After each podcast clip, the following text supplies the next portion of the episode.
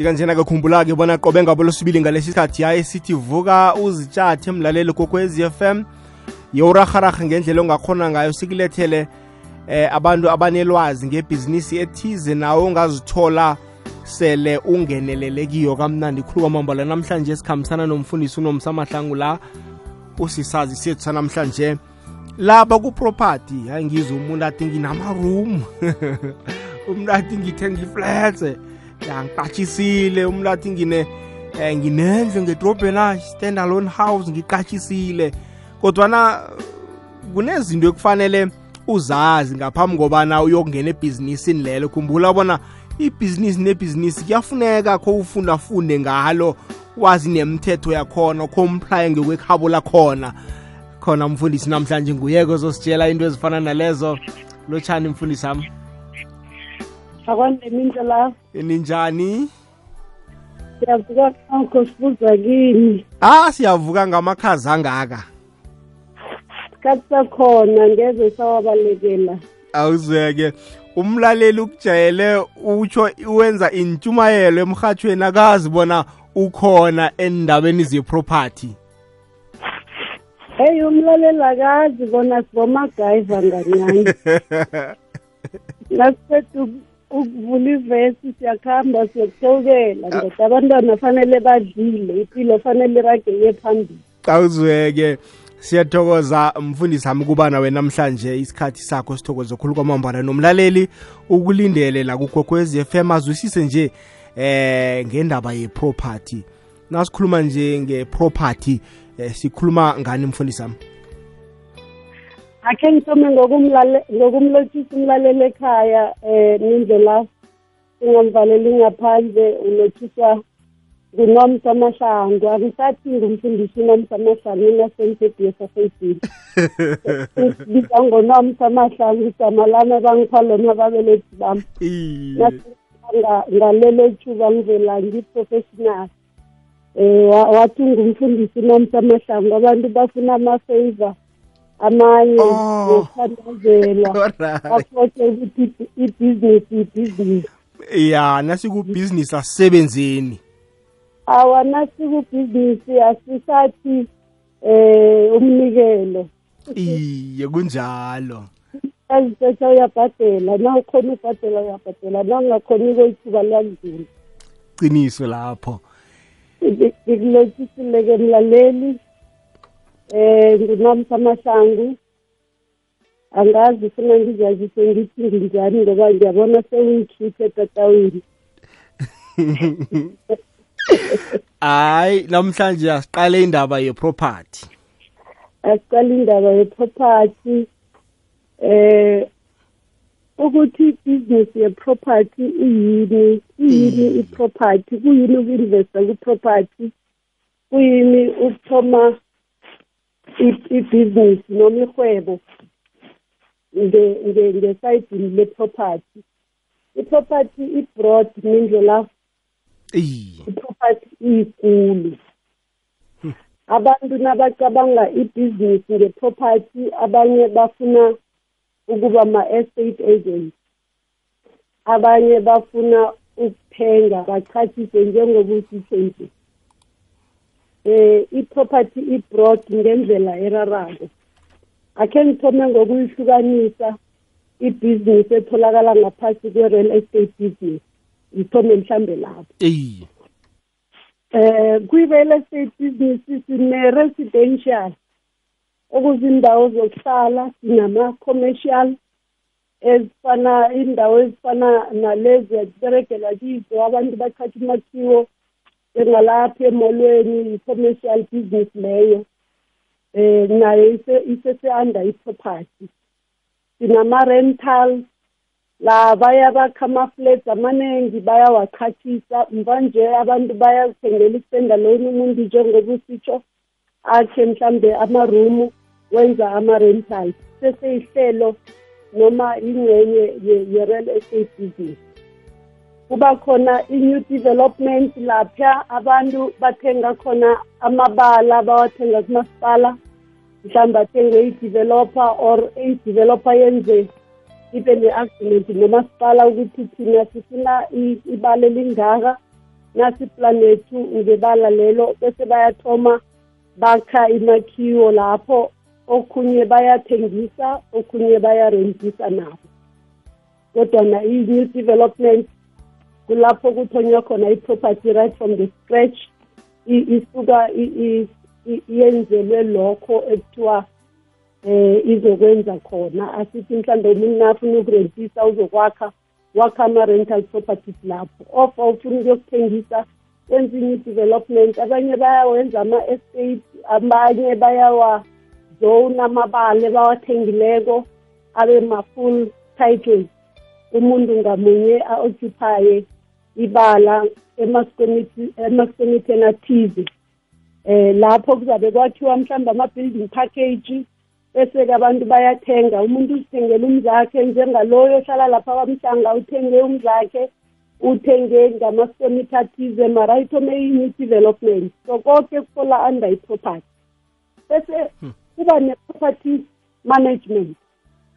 Kunabantu abarana the the the business yokumaneja ama-property. Ake sithi nandibala mhlambe mahectare ayi-five of amangaki kwathiwe amaflede lapho kuyarentiswa kuphela lapho. Kufuneka-ke endaweni enjengaleyo kube ne-property management ezokwazi ukunakekela nokurana ibhizinisi lokurenta ama-property anjengalawo. Lapho kukwa-real estate business mahlelo abantu abangawenzako abo-construction abaya bafola kaningi under ama-new development.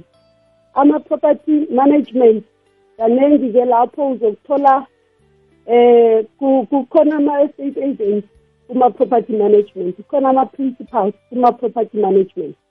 Nakiwo wonke ama-residential ama-commercial eh nama-rental properties. Kuhlogeke kube nabantu abanelimuko nabanelwazi abaqeqeshekileko e-, emahlangothini lawo. Angazi noma ngikubekela yona kuhle na ingakutharakaliseli indaba. Iyazwakala izwakala kamnandi ikhulu kwamambala uyayikhulumisa indaba ye-management yoproperty umuntu uyazibuza eh mfundisi wami la ukuthi ku-property usumani uyangena nje kunama-qualification athize kufanele ube nawo? Comply nehlangano ethize kusetshenzwa njani? Uyabona-ke kwa-real estate uh, business kaningi abantu bekhethu bayathayela lapho. Kunabantu abamhlophe eh ngesibanga sama sama compliance labo nabayakwazi ukuthizana abanama-favor athize benzelana wona amanye angekho emthethweni. Kodwana-ke ukuthi ukwazi ukuphumelela ukurana ibhizinisi ye-real estate uyathoga ukuba nama-qualifications amaqondana ne-real estate. Akhe ngithome nje ngokuthi akusilula ibile kuhle akukhoneki ukuthi ususuke njengawe mindlelafu eh unekareko lokuthoma ibhizinisi ye-real estate. Bese ngoba unemali kusasa sekuthiwa nangumindlelafu eh, eh, real estate sekakhona eh angakaqualify angakenzi litho. Kune kunama requirements wokuthoma emntwini ofuna ukujoyina i-real estate family. Number one umuntu uthoma njenge-intern estate agent. Noma bowungaba ne-qualification wakhamba wayoyicredita kunebhodi esingaphasi kwalo eh ibizo lalo esele lijuguluka nje kwakuyi-state agency affairs board namhlanje sekuyi-PPRA property eh, practitioner eh affairs board. So lelo board lelo kulapho omunye nomunye ofuna ukungena ehwebeni nanyana ekusebenzeni ngaphasi kwe-real estate ekufanele ukuthi akarejistare khona. Urejistara lapho awurejistari ngokwakho. Ngoba ibhodi ngokuya komthetho walo lifuna ukuthi omunye nomunye umuntu othomako akangene angena ngaphasi kwe-registered real estate agency. Bese uba yi-intern for a period of 12 months. Ngoba kuhle kuhle kwa-real estate mindlolavu sithengisa izindlu sithengisa izinto zenani eliphezulu. Eh kunemithetho eminingi esibereka ngaphasi kwayo. Kuyahloga-ke ukuthi sibe regulated hence i-EAAD esele iyi-PPRA namhlanje ingiyo eregulate ama-estate agencies. Manje-ke umuntu ofuna ukuthoma ukwenza ibhizinisi kufanele athome ngokuba yi-intern for twelve months ngaphasi kwe-registered estate agency.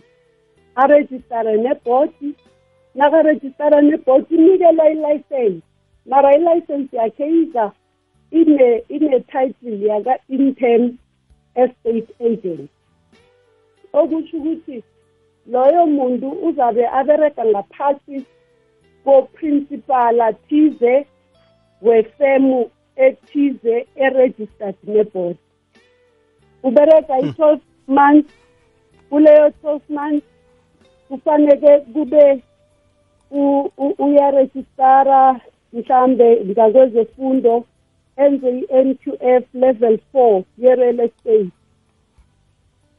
for twelve months. Hmm. so bekungaba kuhle ukuthi umuntu ofuna ukwenza. Ofuna ukuthoma ihwebo athi nakathoma ukuberega aba yi-intern estate agent. Bese uthoma nokurejistara ngaleso sikhathi. Thina khange silithole lelo lwazi lafihla kithi kengesazi saqhubachuba isikhathana. Hmm. salimuka sekumuva ngoba um sifuna ukuvusa ihloko hmm. no ngibeka kucace nje komunye nomunye umlaleli ukuthi na ufuna ukuba i-property practitioner or rather ukwenza yakho i-estate agency company uthoge ukuseva i-internship. I-period oseva ngayo i-internship kungaba kuhle urejistare for i-n q s four ngoba nayo ithatha i-twelve months. Hmm. ngemva kwale twelve months bese-ke wenza nelogbook. Ngibawa ngibawa ukukubamba lapho siyokuthengisa sibuye sizokuragela phambili nelogbook. Akunakinga nawe mindlela awuzweke le ikwekwez FM kukhanya pha iba lichumi nebunane imizuzu. Phambi kobana kubethe isimbi yechumi nanye lihlelo vuka uzitshathe lingena qobe ngabo losibili ngo-half past 10 eh, ebusuku. La sikhulumisa khona abosomahwebo abasathuthukako sibaphakele nje ilwazi nomuntu osesenekareko lokuvula ibhizinisi ekungiyakhe namhlanje sikhambisana eh, nomfundisi unomsamahlangu usisazi kuproperty sikhuluma uh, ngebhizinisi kuproperty. Bona ikhamba njani? Ithuba elifana naleli mlaleli gokwez FM limvela kancane khumbula eh, khulukhulu eh, kithi endlini enzima. Haye eh, incwadi singayithatheli phezulu kani kula ilwazi eliningi lifihlakale khona. Mhlambe ibhizinisi yakho yeproperty nje ihlakahlaka nje kungoba kunelwazi elithize ongalazi elikhona encwadini apha njengoba atsho umfundisi wami la. Kufanele ukwenzeke thumela umlayezo wakho ku-whatsapp voice note ku-079 413 2172 079 413 2172 akho ubuze nje ngananya yini ekuphathelene neproperty namaroom ucashisile ama-contract nama-contract ayatlikitlwe lapho eh wama-tenant into ezifana nalezo. Na njengaleli bhizinisi namkha ungasidosela ku-0 11714 714 3470 714 3410 3470 3630 eh, mfundisi wami la bosakhulumisa indaba ye-logbook? Yebo mindlo lava kade ngisithi ngemva kokuqeda i-n q s four kufanele kwanje umuntu loyo ozabe afundela leli bizelo bese wenza i-logbook. I-logbook lenayo ifana ne-portfolio of evidence azabe akade yenza lokhana kenza i-n q s four. Mara-ke i-logbook iyokuqeqeshwa noma iyokuhlolwa libhodi ukuthi lento othi uyifundile lekwa-n q f four nalento ebakufundisa yona la ubereka khona ngabe ngiyo na into thina abantu esifuna ukuthi abayifundi na? Yingakho-ke i-logbook imagwa ebhodini bathi bangaqeda ukuyimaga sewune-n q f four sewune-logbook uyibhedile i-twelve months bakuvumela ukuthi-ke kwanje ungabhala i-exam ne-board i-exam leya ngiyo ezokuthugulula i-status sakho. Remember ngithe mina na ungenako uzokuphiwa i-position as an intern estate agent. Mara ngemva kwe-exam nasele uhlahlubiwe e-examini wayiphasa i-status siyachuguluka uba yi-full status agent. Kwanje-ke sowusebenza awusasebenzi ngaphasi kwe-supervision yaka-agent emunye omdala of awu-principal so uyakwazi ukuzisayinela ama-contractor ama-offer to purchase uyakwazi ukuzikhambisela ama-clients ukhulume njengomuntu oqeqeshekileyo na uyi-intern akufuni ibile nakhona uzifihle kufuna ufike ukhulume ukuthi ngisesengaphathi kwefundiso ngi-intern estate agent ukuze abantu bakulemuke noma kungenzeka ukuthi kube nomthapho othile owenzako bakwazi ukuthi nabaripotako bathuthe i-intern. Bese-ke kufuneka uprincipal akhe ozokwazi ukujamela indaba zale intern estate agent izinto azenzako akwazi ukuzifakazela ukuthi zihamba kunjani. Ngiba ukukubamba kancane. Isamukele umlaleli gokwezi FM angaba nombuzo afuna ukuwubuza? Akunakinga mindlela awuzweke akhe siye la kuma WhatsApp sizomlaleli lotshana emhathweni imindlela. Bengiba ukubuza sithi ufuna ukuthenga indlu. Uzoyibona ngani ukuthi le company ethenga ngiyo indlu ukuthi isemthethweni ngombana maningi lamakhampani yini umthele uyicale lapho? For uthenge kubo indlu bakufunele indlu. Ngiyathokoza ngizolale emhashweni ngisitho e-office umlaleli ubuza umbuzo oqakathekileko la. Hey ungazithola uthenga indlu udliwe nemali akho leyo yedeposit uzithola sowusemrarweni banengi badliwe ngoba baberega nabantu abangasiregistered kuyahlogakala ukuthi umlaleli abe netshejwe elikhulu nakufika umuntu athi uyathengisa loyo muntu nakazibiza nge-estate agent number one kufanele kube une-license nebhodi ungase umbuze ukuthi ilicense yakhe iphi uvalidate ilicense leyo nebhodi le-eaab na uza kufonela i-eaab ubuze ukuthi umuntu onjeni yamazi bavume and then bakuphe i-registration number yakhe nto ifane naleyo akunikela yona. Naso into ongakwazi ukwazi ngayo. Nanyana nawe ungangena ewebsayitini ye-eaab uthayiphe igama lekhampani leyo ofa uthayiphe igama ngokupheleleko lomuntu loyo. Okuhle nokumnandi ukuthi soke siphethe ama-smartphone njenganje.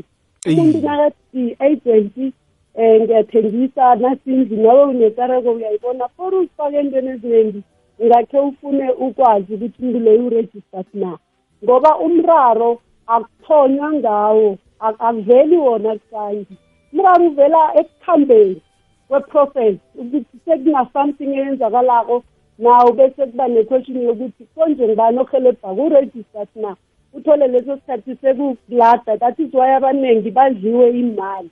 So kuhle sekumuntu sathoma ukuthi umuntu loyo uthi uberegela yiphi ikhampani ofaka kuphi amanamba ekhampani lawo? Wena zigugulela amanamba ekhampani ufonela ikhampani ubuze ukuthi umuntu onje uyaziwa na kule khampani? Iyazwakala. Ngifuna akhe stop omunye kodwa umlaleli simuzwe.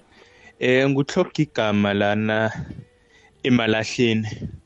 Eh mindlolavu bengisabawa ungibuzele kumama umfundisi ukuthi nange eh umuntu ohlala ngendlini nakho oyicatshisileko sekakunikela ama-problems.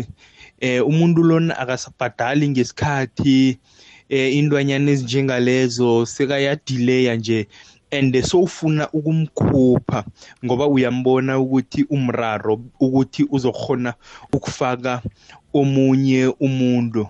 Ngimaphi ama-procedure ekufanele ngiwalandele ukuthi ngimkhuphe umuntu? Eh nangabe ikontraga yethu ayikaphili ikontraga yethu bekungeye 12 months kodwana uyangithwenya i12 months leyo ingakahlangani. So ngimkhipha ngamiphi imigomo nemibandela? Ngiyathokoza. Nakho umbuzo mfundisi wami? Ngiyacabanga ukuthi mindlolavu kuhloka igama icontraga ayisayinileko no-tenant akhe lo. Inama-terms nama-conditions.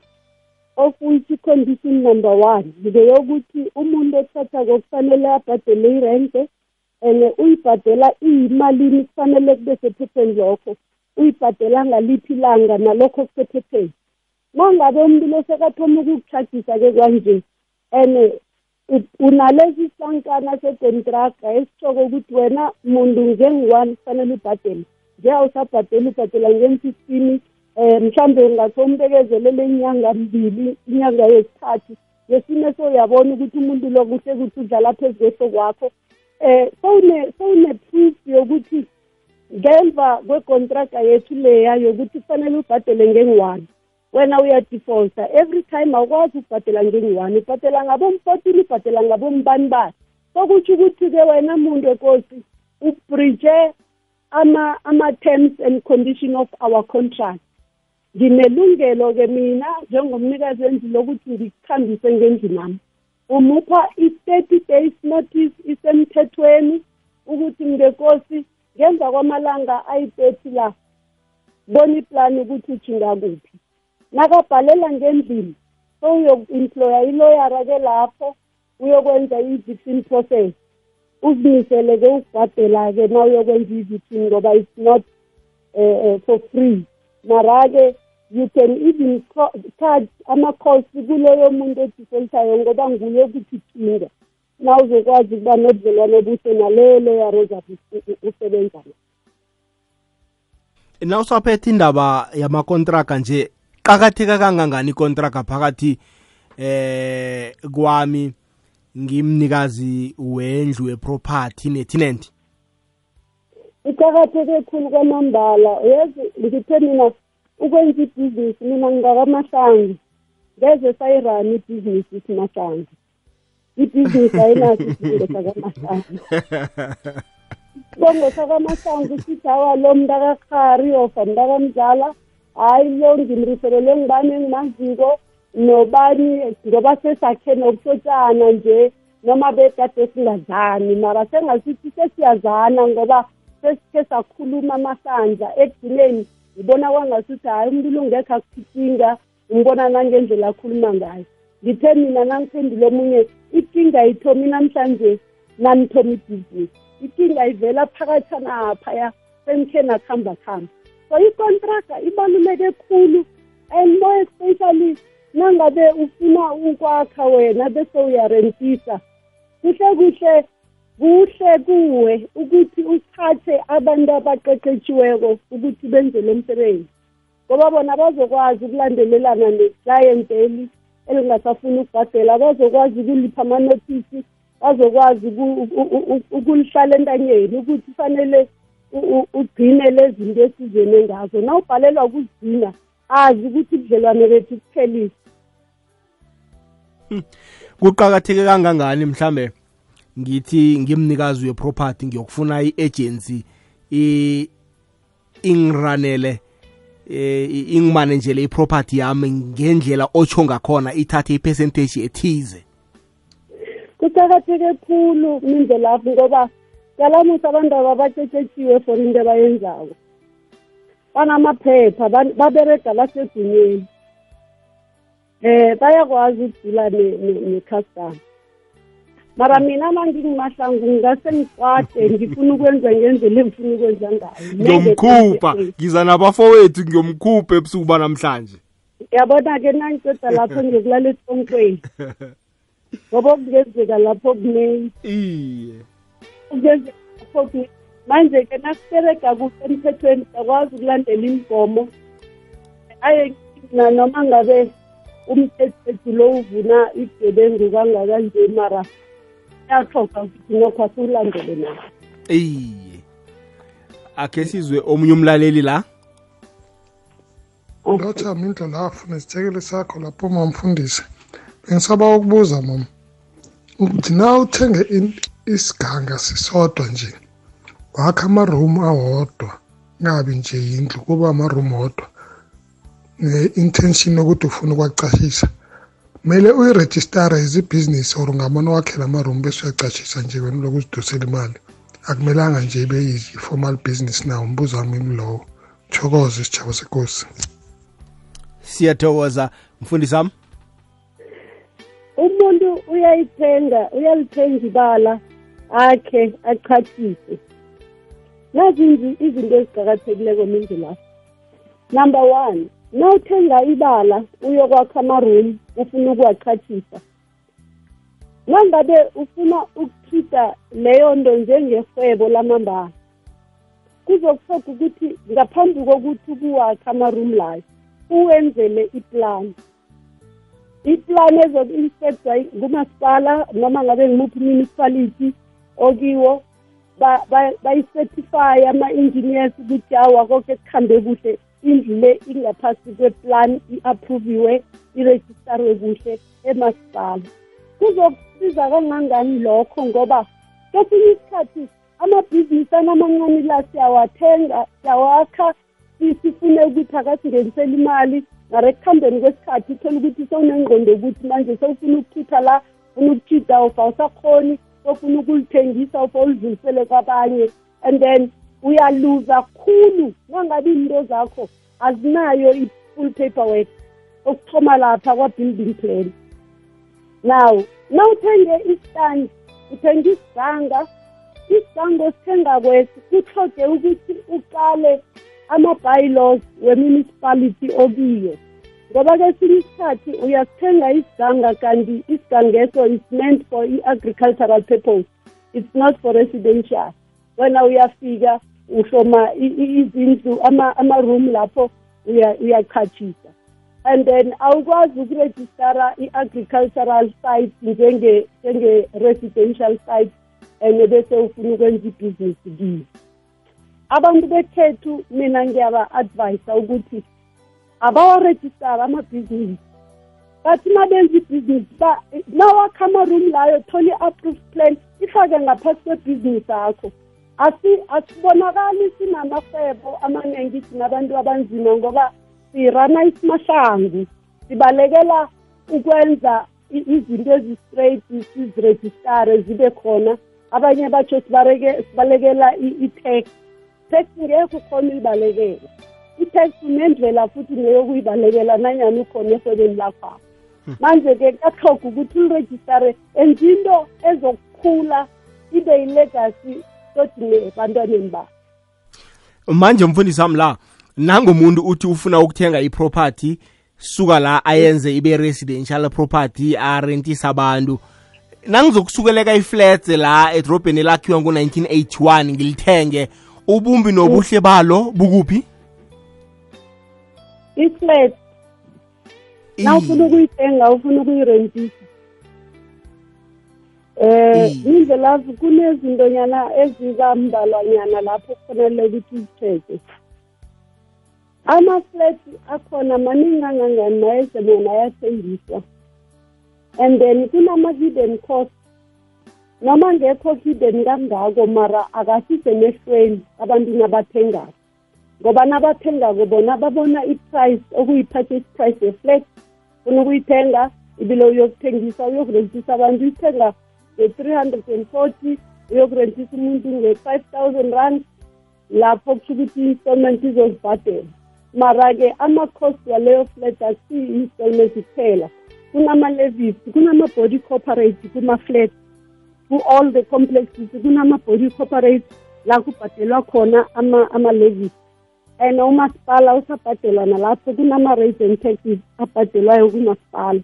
No nawuthengako ufuna ukuyokurentisa calculator ukuthi kwenza ama-levis lawo uyowabhadela imalini ama-rates imalini and i-installment yakho nawuthenga nge-price enje izoba imalini and njengoba izoba imali engaka wena uzokwazi ukuyibhadela iflat leyo na nangabe uyithenga for i-investment purposes izinto ezinjengalezo ziqakatheke khulu ukuthi ungazikala. Ngoba yes ungamthola umuntu ozokuthatha athatha twelve months kwenzeka i-twelve i-six months elandelako awutholi i-tenant sewuyibhadele esikhwameni sakho. Ngaphezu kokuyibhadela esikhwameni sakho kunama-levis okufanele uwabhadele kunama-rates and taxes that you supposed to pay. Sekuyakudlula awusakhoni ukuhamba naso ngiyakuzwa mfundisi wami. Nakho ngithenge iblogo elithize le-flat mhlawumbe iflat le-two bedroom phezu kweflat elikhulu. Iflat lelo ngiyali-owna namkha ngiyi-secondary owner. Kuhamba njani lapho? Na uyithengileko iflat solanga usalibhadele ebhanka alikakabi ngelakho gamare libizwa ngawo. And mhlazana waqeda ukubhadela ibond leyo yaleyo flat iflat liba ngelakho ibhanka izipha i-title deed iflat i-unit ye-flat oyithengileko wena hlangana ne-block of flat wena you only own that particular unit. Unamalungelo efletini yakho na ungena emnyango ngaphakathi kweflet yakho. Alungelo wakho konke kungaphakathi apho ngekwakho mara nasele uphuma umnyango weflat sesekhona kwi-block la sekunama-common rights nomunye unelungelo elifanako nelakho. Siyawashera amalungelo we-common property. Mara nangingena ngaphakathi ngeze nangingena lapha emnyango enye nenye into engiyenza ngapha ngingalirenovata ngingatshentsa isilingi ngatshentsa impata ngingalenza libe lihle. Ngelami. Ngi-increasa i-value yalo lona ngaphakathi alingelami kuyazwakala kuleyo ndawo. Ibambili kimzuzu ngemva kwesimbi yechumi nanye le ikwekwez f m kukhanya ba. Sesizoyivala mlaleli kokwez f m nawe ungavaleleki ngaphandle la ngoba ithuba elifana naleli limvela kancane. Khe sizumlaleli la? Sabona mhashi nesithekeli lapho eh ngicela ukuba uhloga igama. Eh bengicela ukubuza ngathenga istendi komunye usisi wathi istendi sakhe unyaka uphelile ngoNovember. Ngamnikela i2000 wathi istendi C15000 ngamnikela ke leyo mali. Ngahlushwa ke ukungaphili kahle ngase ngithi ngoFebruary kuye ayi sengicela ukuthi usaluqhubeka ufuna umuntu ozothenga leyo ndawo. Angisakhoni angisanamandla ngoba nasemsebenzini angisasebenzi. Angeke ngisaba namandla wokuzithenga le leyo ndawo leyo. Wathi-ke kimi uzawuthatha i-10% kule mali engimnike yona kule 2000 manje sesiza singena kujuni from ngofebruary. Mangikhulumisana naye ayi ngathi kuba nzima ungitshela ukuthi kumele ngimele istendi sithengwe andi ukuba anginikeza imali yami and uyasebenza lo muntu. Manje uma kungaze kwenzakale singathengwa le stendi ngenze njani? Ngiyabuza ngiyabonga. Nasindaba umuntu ufuna i-deposit ayikhuphako. Isebenza njani naseyinjalo yabona-ke ngizo-ke lezi ndaba ezifuna ama-contract nawuthenga i-property uthenga isandi uthenga indlu uthenga ibhizinisi kufuneke kuba nekontraka ikontraka ibe nama-terms and conditions ibe nama-clauses afavora ibhaya afavor ibhaya nasavor usela nangabe sithengisa ngomlomo angazi ukuthi banikelene njani imali uma lo khona nakamnikele esandleni akanayo i-proof yokuthi umnikele imali engaka ngoba kuthiwe isitendise imali engaka. Mara nakunephepha eliyi-contract elikhulumako ukuthi indlu nasi i-stem number sakhona sinje sifanele sibe nomnikazi. Umnikazi wakhona afanele afane naloyo rejistaro kamasipala. Nangabe ingaka-rejistarwa ngaye kwamasipala as yet kufuneka kube nencwadi kamasipala etshengisako ukuthi kade inikela umma loyo istandi and then uzakuthi nasirejistarako igama litshentshe libize libize ngaye. Manje-ke yena sekayasithengisa usithengisela omunye ngapha wamukela i-deposit. Akuzwakali kune-agent in between lapho. Kuzwakala kumuntu othenga istendi emntwini omunye. Iyazwakala kuleyo ndawo. Akhe ngibuze la ngibuyele kina siyayindaba ye-unit ya-flats elithize. Khumbula mhlawumbe iflats eli li li eh li-ownwa ngumahlango properties. Akhe ngitsho njalo ngithenga i-unit ethize. Nangumahlango properties ke sekathola i-offer ekulu ukuthi kunemolo efuna ukwakhiwa lapho ufuna ukuwisa iflats elonke nami ngithengile i-unit ethize. Kuyokwenzakalani ngobunikazi bami be-unit ethize? Ufuna ukuyisa yiphi? Ufuna ukuyisa yakho noma uyisa yakhe? Yonke mhlawumbe iblog yeflats le ufuna ukuyiwisa kuyokungena imall lapho. And mina senginobunikazi beflats be-unit ethize. Angakwenza lokho nge-court order. Oh. Nge-court order. Ukuthi uyile court wayokubawa and then kufanele kube ne-offer enikelwa abantu aba-ownako ama-unit apho oh. I-bond corporate kufanele imbize kube nomhlangano eh kukhulunywe indaba leyo kuziwe amazizo wenu ikhamba nangamavoti ngekho akhona uyenza yena ngokwakhe. Ngiyabona. Iyazwakala akakafanele ukukhona ukuyenza yena ngokwakhe kungakalandelwa leyo mgomo. Abantu kufanele babhadelwe imali zabo. Abantu fanele babhadele iimali zabo. Na uthengileko unit yakho leyo mindlo lapho uyithenge nge-seven hundred thousand. Mm. nase umuntu uyeza uzokwakha wakha njani ngoba wena uphethe i-title deed ye-unit yakho? Ozangaliphi i-unit yakho? Akakwazi ukukwenza lokho. Ngiyakuzwa. Nasikhuluma nge-rent to buy sikhuluma ngani mfundisi? I-rent to buy yinto nasi abantu abayithandako and mvanje kuhle kuhle we not encouraging i-rent to buy eh i-rent to buy ukuthi nasumuzi eh uyathengiswa. Mara ke sikunikela ithuba lokuthi ungawuchacha eh meanwhile usalungisa mhlambe indaba zakho noma usabuthelela ukuthi uzowuthenga umuzi lo. So ukuthi umuzi lo uyathengiswa wena njengomuntu owuchathileko uhlokukunikelwa i-first preference yokuwuthenga nasele kuthiwa eh uyathengiswa. Abakwazi ukuthatha i-offer yomunye bangakathathi yakho. Kodwana-ke i-rent to buy kufanele yenzakale nayo ibe nemibandela thize. I-lease agreement esayinako kuleyo lease uh, uh, rent to buy kufanele istate ukuthi ngubani ophiwa i-priority umuzi lo uyathengiswa wena njengotenant amalungelo wakho afika ajama kuphi aphelela kuphi. Iyazwakala kuleyo ndawo. Njengenjena ke babunane-ke mzuzu ngemva kwesimbi yechumi nanye leyigogwezi FM kukhanya pha sisebenzela ukuyisonga la sijeje indaba ye-property eh, ukwenza ihwebo nangumuntu udinga i-advice uyakubuza mfundisi ambona ngifuna ukuthenga iblogo le-flats elikuma-new development nalela namkha ngithenge lele eliku-old development ka-1981 ngiphe engathi inamakonyana amahle kwi-investment ehle. Mhm. Eh uyabona ama ama-flat wakade ama-flat wakade asese-investment mara ane-high maintenance. And ngesibanga se-maintenance ephezulu uthola ukuthi ama-levis walapho aphezulu.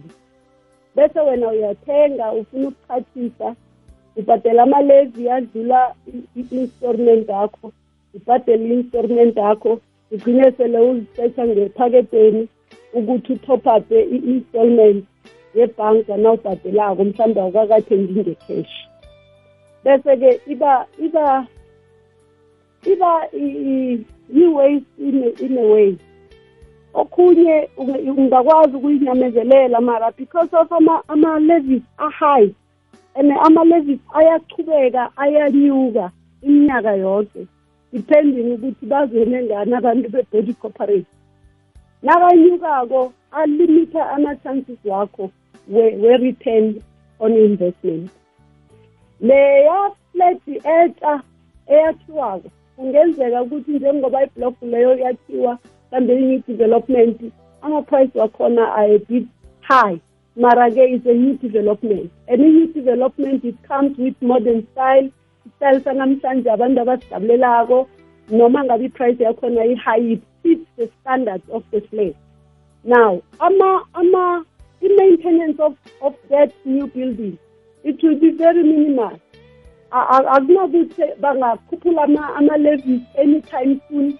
Ama-levels wakhona aminimal ngoba into enayitsha uzothi ulungisa ulungisa ini. Sekufana nokulokhu uthenga imodere modere. Bakunikela i-five years egarage uyidrive uthi na uceda uyibhadela nge-five years nethi na uceda uyibhadela ithoma ikhohlele ikhohlele ikhohlelo elinye esele lifuna imali engaphezulu kwaleya. Mara so lonke sisesengaphasi kwe-maintenance plan hayi konke kusakuhamba ke hmm. iyazwakala kuleyo ndawo iba lichumi nanye mzuzu ngemva kwesimbi ye echumi nanye leyikwekwezi FM kukhanya ba hayi sisebenzele ukuyisonga. Kunomlaleli la eh mfundisi sami umbuzo wakhe mude hle ngizama ukuyuhunyeza uthi mm. eh ugogo wakhe walala aona iproperty ethize. Ngemva kobana alale kwafika abantu bathi eh ugogo bekabhalise bona as ama beneficiary yendlu. Ngiyazi ke phezulu umbuzo lo awu khambelani nento siyikhulumako namhlanje kodwa namhlanje umfundisi ama ngaba ne-advice ethize ukuthi fanele aye kuphi. Nangumuntu uyavela uthi uyi-beneficiary yekhayeli and basha bamazi bona izulu zakagogwezi eh uyaziwa baphethe i-death certificate baphethe konke nangumuntu uvelile basho uyi-beneficiary. Umraro njalo urarululwa njani? Siyokuqala kuphi impepha ukuthi ngibani i-beneficiary mhlambe? Awa kulula khulu. Angitsho ugogo kade nabantwana iye. Laba zinzukulu iye. Abantwana bakagogo nangabe bayaphila. Inzukulu ezi ngoba zona zincane zihlakaniphile and zithathe i-death certificate akagogo zithathe imbapiri eh zakamasipala zendlu zithathe ama-ID wabantwana bakagogo. Kuyiwa e-masters court. Nabafika ekhotho bayokurejistara i-estate. Nababhalelwa kokuzenzela bona lokho bawa iloyara eyenza ama-estate ama-conveyance akaningi ayawenza ama-late estate. Nabafika emaster barejistara i-estate yakagogo ongasekho. Bona ngokwabo bayakhethana ukuthi ngubani ongajamela indaba zakagogo. Nabakhethe isizukulwesi isizukulwesi kuhle kuhle asikwazi ukujamela indaba zikagogo nakube abonina noma abomalume basesekhona. Umalume fanele kube nguye ofa umani ofa munye womntwana kagogo. Fanele kube nguye othola i-letter of authority oba negunya lokuthengisa nelokuqathisa nelokwenzani le-estate kagogo. Manje nasekufika omunye ngaphandle athi yena yi-beneficiary akaniphi amaphepha ukuthi uli-beneficiary ngaliphi. Nakanganaphepha awakhosani nguye bona basikime bakhambe baye ofisini yakamaster nabafika khona bayokurejistara i-estate akagogo bona bazwene njengomndeni ukuthi umalume uzakhiya uza kuba i-executor ya everything yakagogo. So thina sifuna ukuthengisa umzi lo yokusayiniswa umalume mara abantwana bakagogo bazokufuneka ngoba bonke fanele babe nama-percentage share yendlu kagogwabo. Actually ingasindlu yakagogwabo abomalumapho ayibona iyazwakala nakunjalo. Mfundisi wami amagama akho wokugcina nokugcizelela okuthize okukhulume ngakho bese siyayisonga. Mindlolafu ngiyazi ukuthi baningi abantu abanekareko le-property esithome ngakho nje namhlanje kade sekumane kuyi-introduction nokuchaza amahlelo namahlandla we-property ukuthi ajame njani. Sikhulume lapha mhlambe ngoku-owna i-property. Kuqakatheke kangangani ukuthi umuntu athenge iproperty ayi-owne ibe ngeyakhe? Ngiyabakhuthaza abantu abasha ngiyamkhuthaza umlaleli na usebenzako nanyana uhlala endlini ongayibhadeliko ophila kamnandi kiyo. Thatha amaphepha akho khowuthenge u-investe ku-property. I-property ayifani nemodere. I-property iya-appreciate umnyaka omunye nomunye. Qala indawo la ungakwazi ukuthenga khona i-property. Nawusekhaya apho ngelinye ilanga usakhulisa abantwana bayaqeda esikoleni bayofuna ukufunda emazingeni angaphezulu. Khoqala indawo zalapho kunamazinga aphezulu khona wefundo.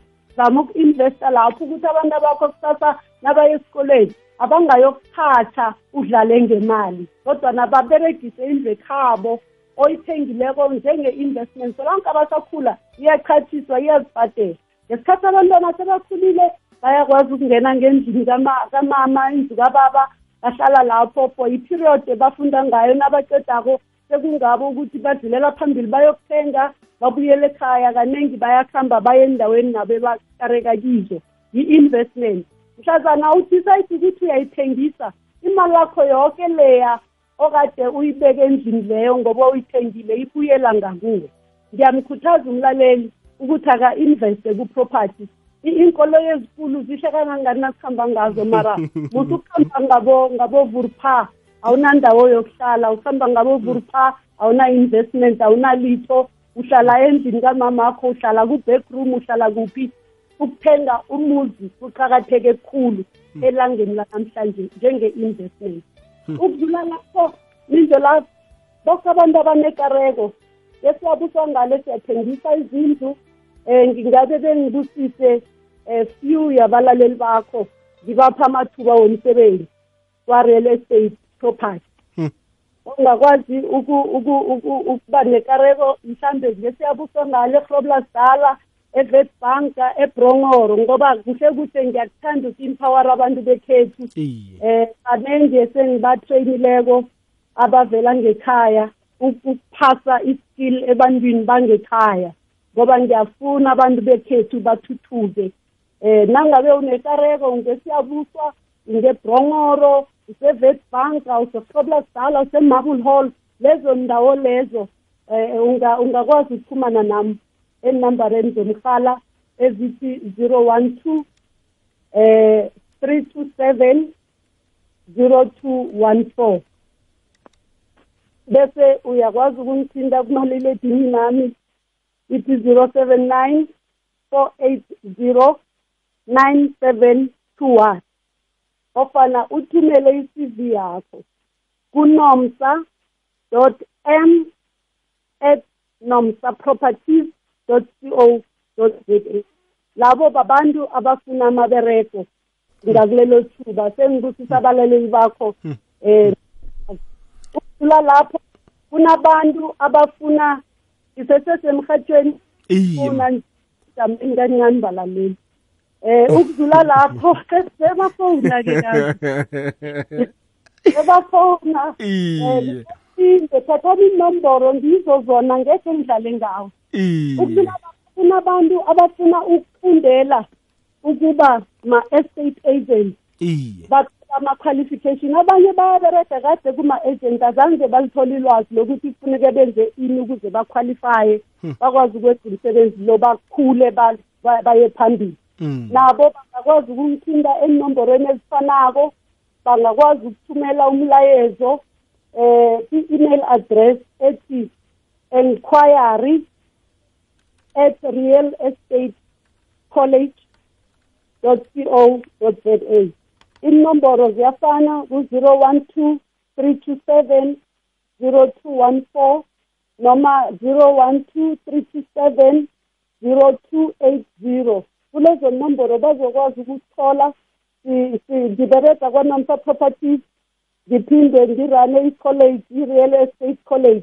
Nginzinze nge-pretoria west ndikunumber six ering avenue epretoria west eproclamation hill.